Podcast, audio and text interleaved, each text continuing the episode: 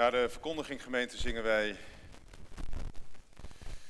uit de bundel Hemel Hoog, die 216, kroon hem met gouden kroon. We willen Jezus bezingen als onze koning. Want gemeente van onze Heer Jezus Christus, daarover gaat het in het tweede hoofdstuk van het Evangelie naar Matthäus en eigenlijk in het hele Matthäus-evangelie over het koningschap. Over het koningschap van God dat aanbreekt, maar ook over het koningschap van de heersers van deze wereld, die het toch altijd weer lijken te winnen.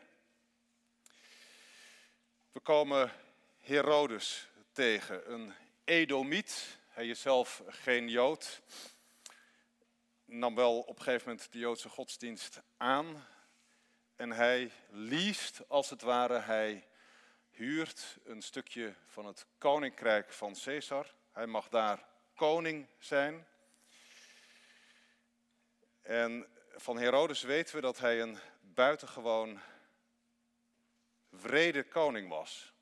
Enerzijds heeft hij enorme bouwwerken laten oprichten. Hij heeft de tempel fantastisch gerestaureerd, waardoor het echt een schitterend complex was. Aan de andere kant was hij zo achterdochtig dat hij een aantal van zijn zonen en zijn eigen vrouw heeft laten ombrengen, omdat hij bang was dat zij een koep zouden plegen. En van Herodes is bekend dat hij de opdracht heeft gegeven om, als hij zou sterven, dat dan de notabelen van Israël zouden worden samengedreven in stadions en zouden worden gedood, zodat er in ieder geval zou worden gehuild als hij zou komen te overlijden. Want hij had zelf ook wel in de gaten dat hij niet zeer geliefd was. Dat is Herodes. En die regeert in Israël.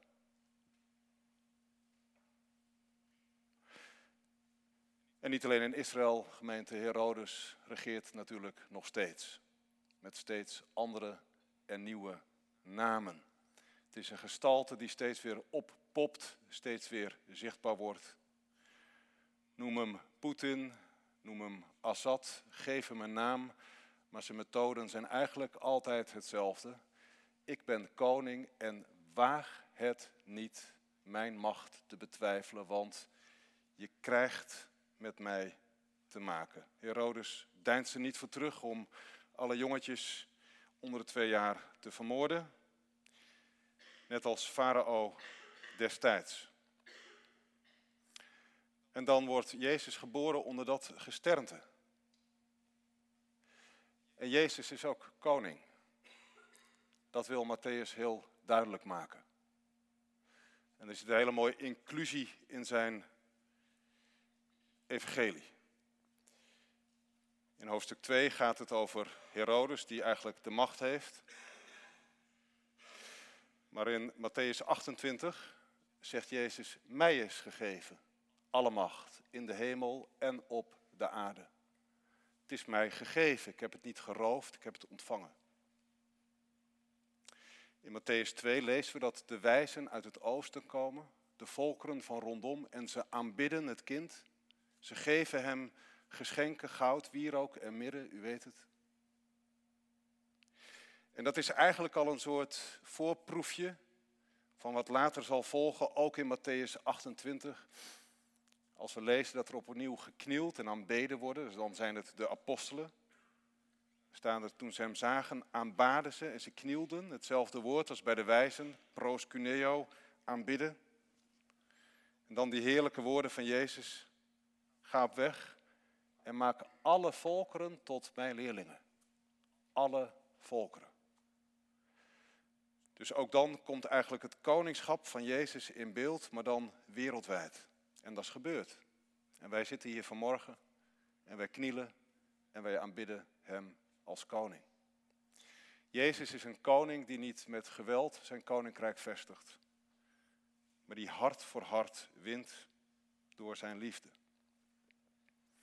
En dan ook een enorm contrast.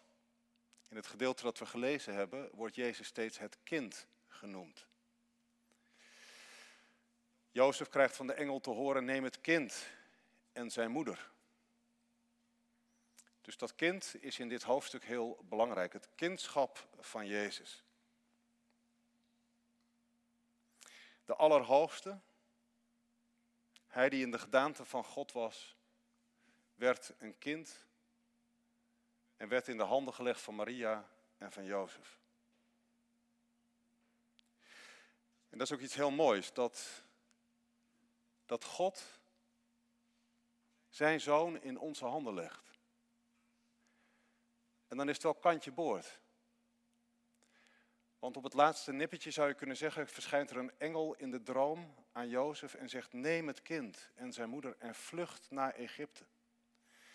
Terwijl als het ware de keurtroepen van Herodes al te paard zitten en je hen al in de verte hoort aankomen, is erop of eronder. Wat gebeurt er? Antwoordt Jozef, gehoorzaamt hij, durft hij ook? Of denkt hij, ja, het was maar een droom? Of denkt hij, wegwezen hier? Ik laat het kind en zijn moeder alleen.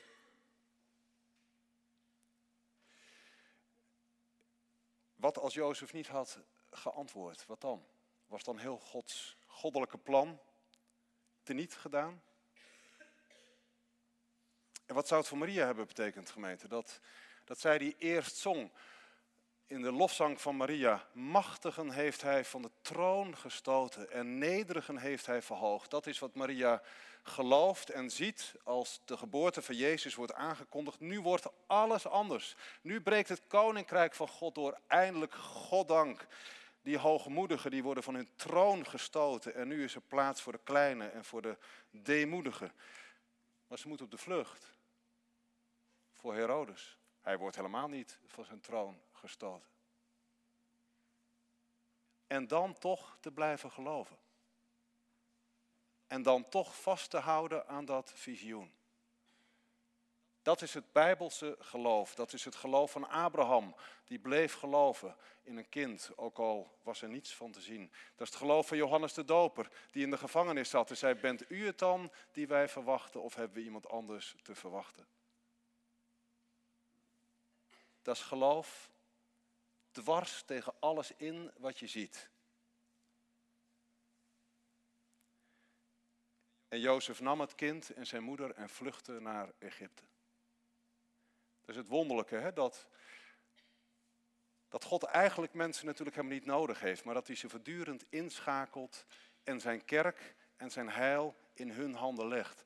Gemeente, geloven is niet voor watjes. Echt niet. Dat maken we er wel eens van. De christenen zijn van die halfzachte eieren, hè, die, die eigenlijk altijd maar een beetje, nou ja, een beetje van die softies. Onzin. Geloven vraagt moed. Veel meer moed dan te zeggen, ja, ik weet het ook allemaal niet en ik, ik, ik geloof eigenlijk niet. Dat ervaar je zelf misschien in je klas of, of als student. Het vraagt moed om te erkennen, ik geloof. Want je krijgt soms toch een lading over je heen, of niet? Oh ja, nou, hoe zit het dan met dit of met dat? Ja. Het vraagt moed om stappen te zetten, om daadwerkelijk te vertrouwen op God en in, in, in, in navolging van Jezus bijvoorbeeld te willen vergeven. Oh, wat doet dat verschrikkelijk pijn. Als iemand je op je ziel heeft getrapt en dan toch te willen vergeven. Dat vraagt lef. Dat vraagt moed. Geloven is echt niet voor watjes. Het komt erop aan. Maar als je een stap zet, dan zul je de Heer zien. Dan ga je Hem herkennen. Jozef doet het. Hij vlucht naar Egypte. En zo gaat het verhaal van God door. Deze week actie kerkbalans.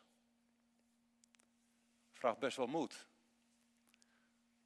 Om 2% van je netto inkomen want dat is de richtlijn.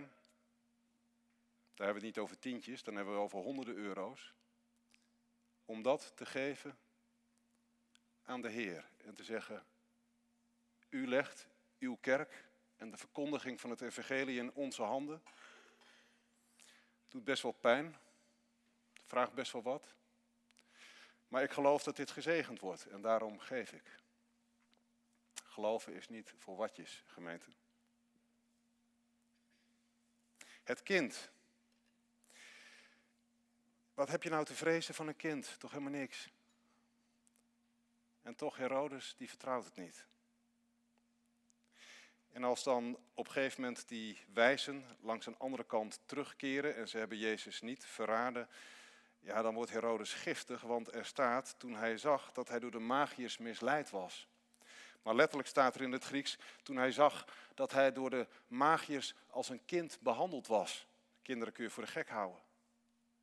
En als er nou iets is waar deze koning niet van houdt, is als een kind behandeld worden. En daarom wordt hij zo boos.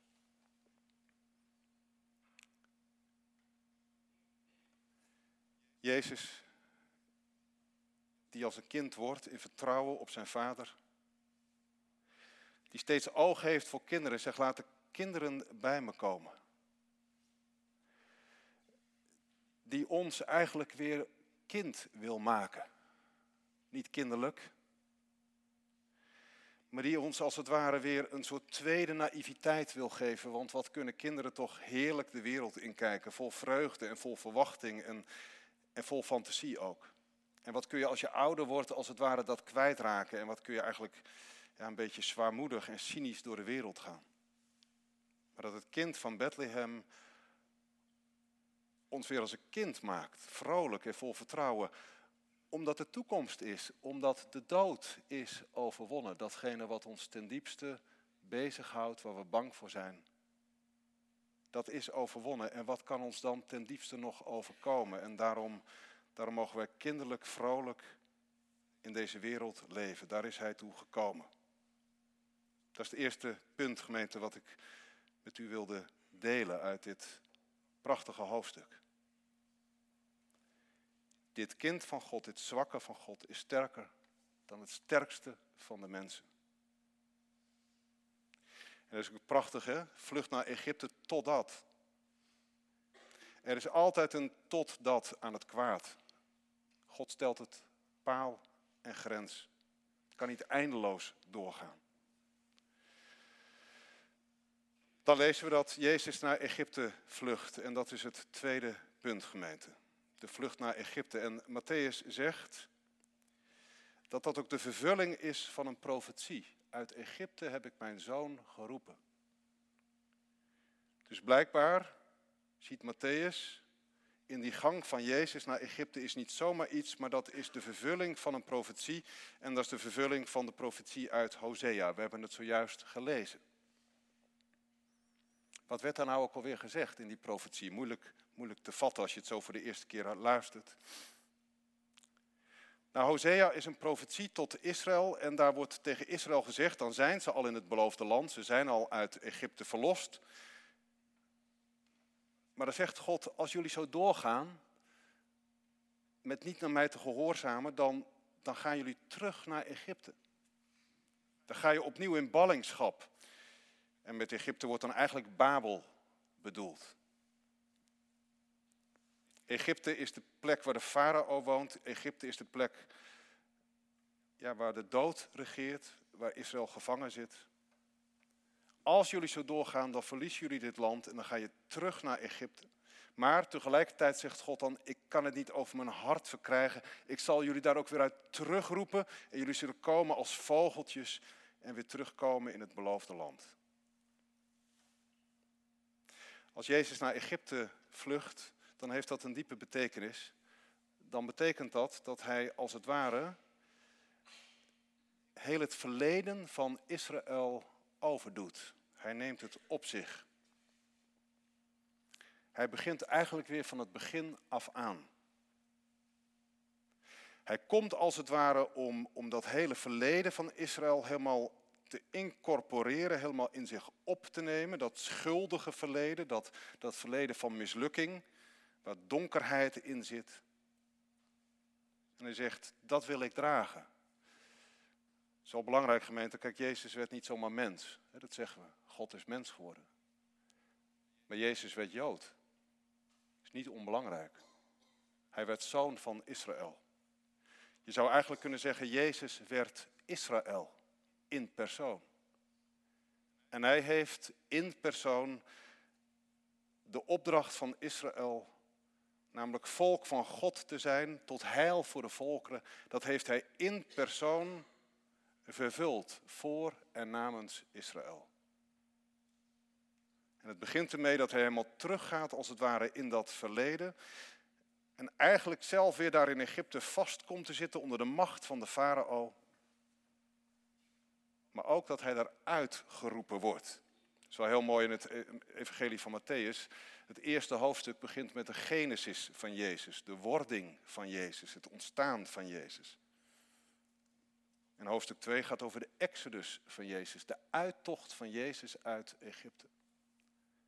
En als je dan verder leest, dan tekent Matthäus eigenlijk dat hele leven van Jezus in zijn evangelie. Het derde hoofdstuk, dat is dat Jezus in de Jordaan wordt gedoopt. Dan gaat hij eigenlijk met Israël door het water. Zoals Israël door de Rode Zee ging, zo gaat Jezus door de Jordaan. Hij is het nieuwe Israël.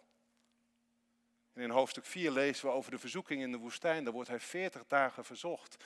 Dan gaat hij eigenlijk met Israël opnieuw eh, door die woestijn heen. Op weg naar het beloofde land. En dan in hoofdstuk 5 de bergreden. Dan komen we eigenlijk bij Exodus 20, de, de wetgeving op de Sinaï. Jezus als de nieuwe Mozes die aan zijn volk de nieuwe wet geeft, de bergreden. Zo prachtig gemeente, Jezus wordt niet zomaar een mens, maar hij wordt Israël. En waarom is dat zo mooi? Omdat, omdat wij daarin zijn inbegrepen. Wij mogen daarbij horen. We zijn erbij geroepen bij Israël. En dat betekent dat Christus ook uw verleden kent. Dat hij niet zomaar mens werd, maar dat hij u werd, jou werd. En dat hij je verleden kent. En al die dingen die daarin zitten waar je je voor schaamt, of waar je denkt, denkt van dat was niet goed. Je geheimen misschien. Datgene wat niet meer goed te maken is. Misschien hebt u daar helemaal geen last van. Dat hoop ik voor u. Het kan zijn dat er in je verleden dingen zitten waarvan je weet, dat kan ik nooit meer goed maken. Of dat je denkt, daar heb ik God tekort gedaan, kan ik nooit meer goed maken. En dat er dan iemand komt die als het ware in jouw huid kruipt, die jou wordt, die heel je verleden op zich neemt. Waar je zelf vastzit in je eigen Egypte, waar je te maken hebt met de farao die als het ware jou onderdrukt. Dat kan van alles zijn. Angst voor de toekomst, Schuld van het verleden. Verslaving waarin je vastzit. Gebroken relaties die niet meer heel te maken zijn, maar die, die hun sporen trekken in je leven. Dat is Farao. Hij zoekt je daarop. Hij neemt dat op zich.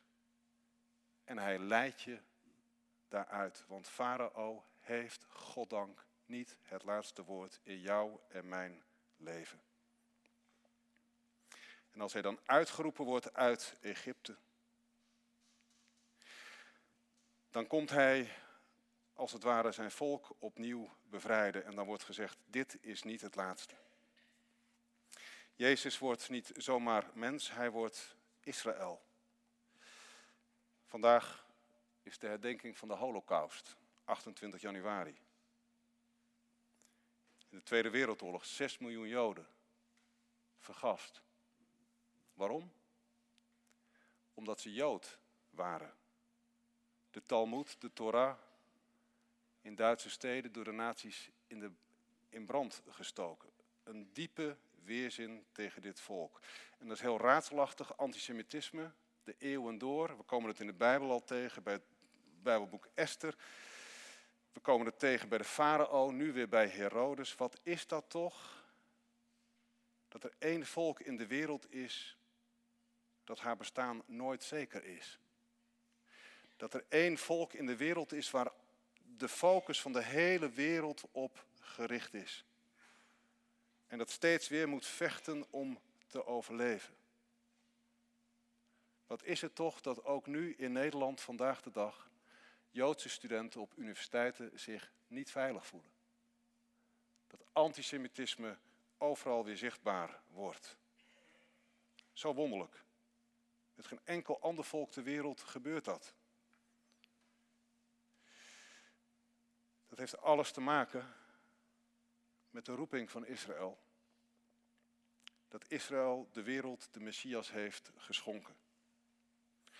Dat in Israël God als het ware een gebod aan de wereld oplegt, een soort bid in onze mond.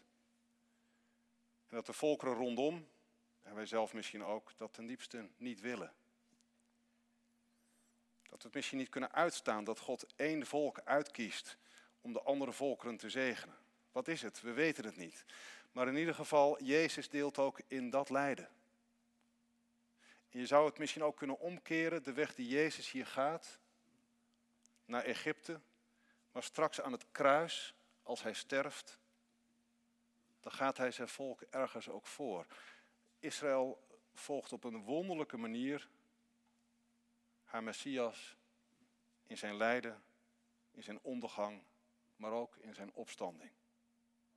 Je zou kunnen zeggen dat in de kruisdood op Golgotha ook iets al zichtbaar wordt van de holocaust die eens Israël zal ondergaan. Een raadselachtige weg die zij gaat, maar daaraan verbonden aan haar Messias. En daarin ligt dan ook de hoop dat het eens Pasen, eens de dag van opstanding zal worden. Dat eens Israël, heel Israël ook Jezus zal erkennen en zien als Messias. Maar tot die tijd, gemeente, zijn wij geroepen om dit volk te zegenen. Onze handen er niet van af te trekken. Ook al is het ingewikkeld en complex wat er allemaal gebeurt. Betekent ook helemaal geen vrijbrief, begrijp me goed. Maar God heeft zich verbonden aan dit volk. Zijn zoon is Jood geworden. Het derde punt, gemeente, is dat Jezus in Nazareth gaat wonen. En ook daarin klinkt het evangelie. Hij zal Nazoreër genoemd worden. Matthäus ziet ook dat als een soort vervulling van de, van de profetieën. Moeten we wel zeggen dat nergens in enkele profetieën ook maar staat dat Jezus of dat de Messias een Nazoreër genoemd wordt. We lezen wel in alle profetieën dat hij een nederige gestalte zal hebben. Jezaja 53, hij had gestalte nog aanzien. Wat was Nazareth? Nazareth was niks. Dat was echt een heel klein vlekje. En dat, dat lag in Galilea. En Galilea was in die tijd een beetje zo'n schemergebied tussen Israël en, en de heidevolkeren. Daar hielden ze varkens. Ja, dat waren wel Joden, maar ze wisten weinig van de wet. Nazareth, pas begin deze eeuw is een inscriptie ontdekt waarbij men wist, hé, hey, dit was het dorpje Nazareth. Josephus, de geschiedschrijver, de Joodse geschiedschrijver, die noemt het niet eens in zijn lijst van steden in Galilea. Eerste eeuw na Christus. Zo'n klein dorpje was het. En Jezus gaat dus wonen in Nazareth en hij noemt zich de Nazoreer. Als hij sterft, staat er boven zijn hoofd, boven zijn kruis, Jezus van Nazareth, de koning van de Joden. Vind ik persoonlijk ook een heerlijk evangelie. Wie van u kent het dorpje Katlijk? Briltil, was van gehoord? Ja, mijn familie komt er vandaan. Klinkt toch heel anders dan dat je zegt, uh, mijn familie komt uh, van oorsprong uit Parijs. Of mijn roots liggen in Londen. Of uh, Jezus van Jeruzalem. Dat klinkt, toch? Maar Jezus de Nazoreër zit ook nog een soort accent aan in die tijd. Jezus de Nazoreër. Nou, in de grachtengordel kom je daar niet heel ver mee, dat snapt u wel. Maar Jezus, de Zoon van God, de Allerhoogste, gaat juist wonen in zo'n dorpje. In het allerkleinste gehucht, aan de rand van Israël. Waarom? Omdat Gods heil ook daar komt. Bij de afgehaakten van Israël, daar komt hij wonen. En daar trekt hij zijn neus niet voor op. Bij de kleine luiden, daar gaat hij op school. Daar leert hij zijn vak. Daar deelt hij het leven. Het is niet Jezus van Jeruzalem, of Jezus van Bethlehem, maar Jezus van Nazareth. Jezus de Nazoreër. Gemeente, we kunnen onszelf wel te hoog achten voor God. Maar te laag ben je voor Hem nooit. En we hebben allemaal ons eigen Jeruzalem, waarvan we zeggen, nou dat is de etalage van ons leven, dat mag best gezien worden. Maar we hebben ook allemaal ons eigen Nazareth, datgene waarvan je zegt, nou, dat hoeft de rest niet te zien, daar ben ik niet zo trots op. Maar juist daar komt Christus in jouw leven wonen. Te midden van je zonde. Te midden van datgene waarvan je zegt, hier kan ik voor God eigenlijk niet bestaan. Dit, dit mag hij eigenlijk niet zien. Daar wordt hij mens. Dat neemt hij aan om je daar te verlossen. Om je daar uit te tillen. En om je daar te verzekeren, ik heb jou lief. Dat we dat nooit vergeten. Zo ging in vervulling wat gezegd is door de profeten. Hij zal Nazoreër genoemd worden. Hij komt ons opzoeken. Hij komt ons redden. Hij komt ons optillen uit ons eigen Nazareth. En daar zijn we niet alleen. Dat is het heerlijke evangelie van Matthäus. De Zoon van God wordt mens, wordt ons en verlost ons leven. Halleluja. Amen.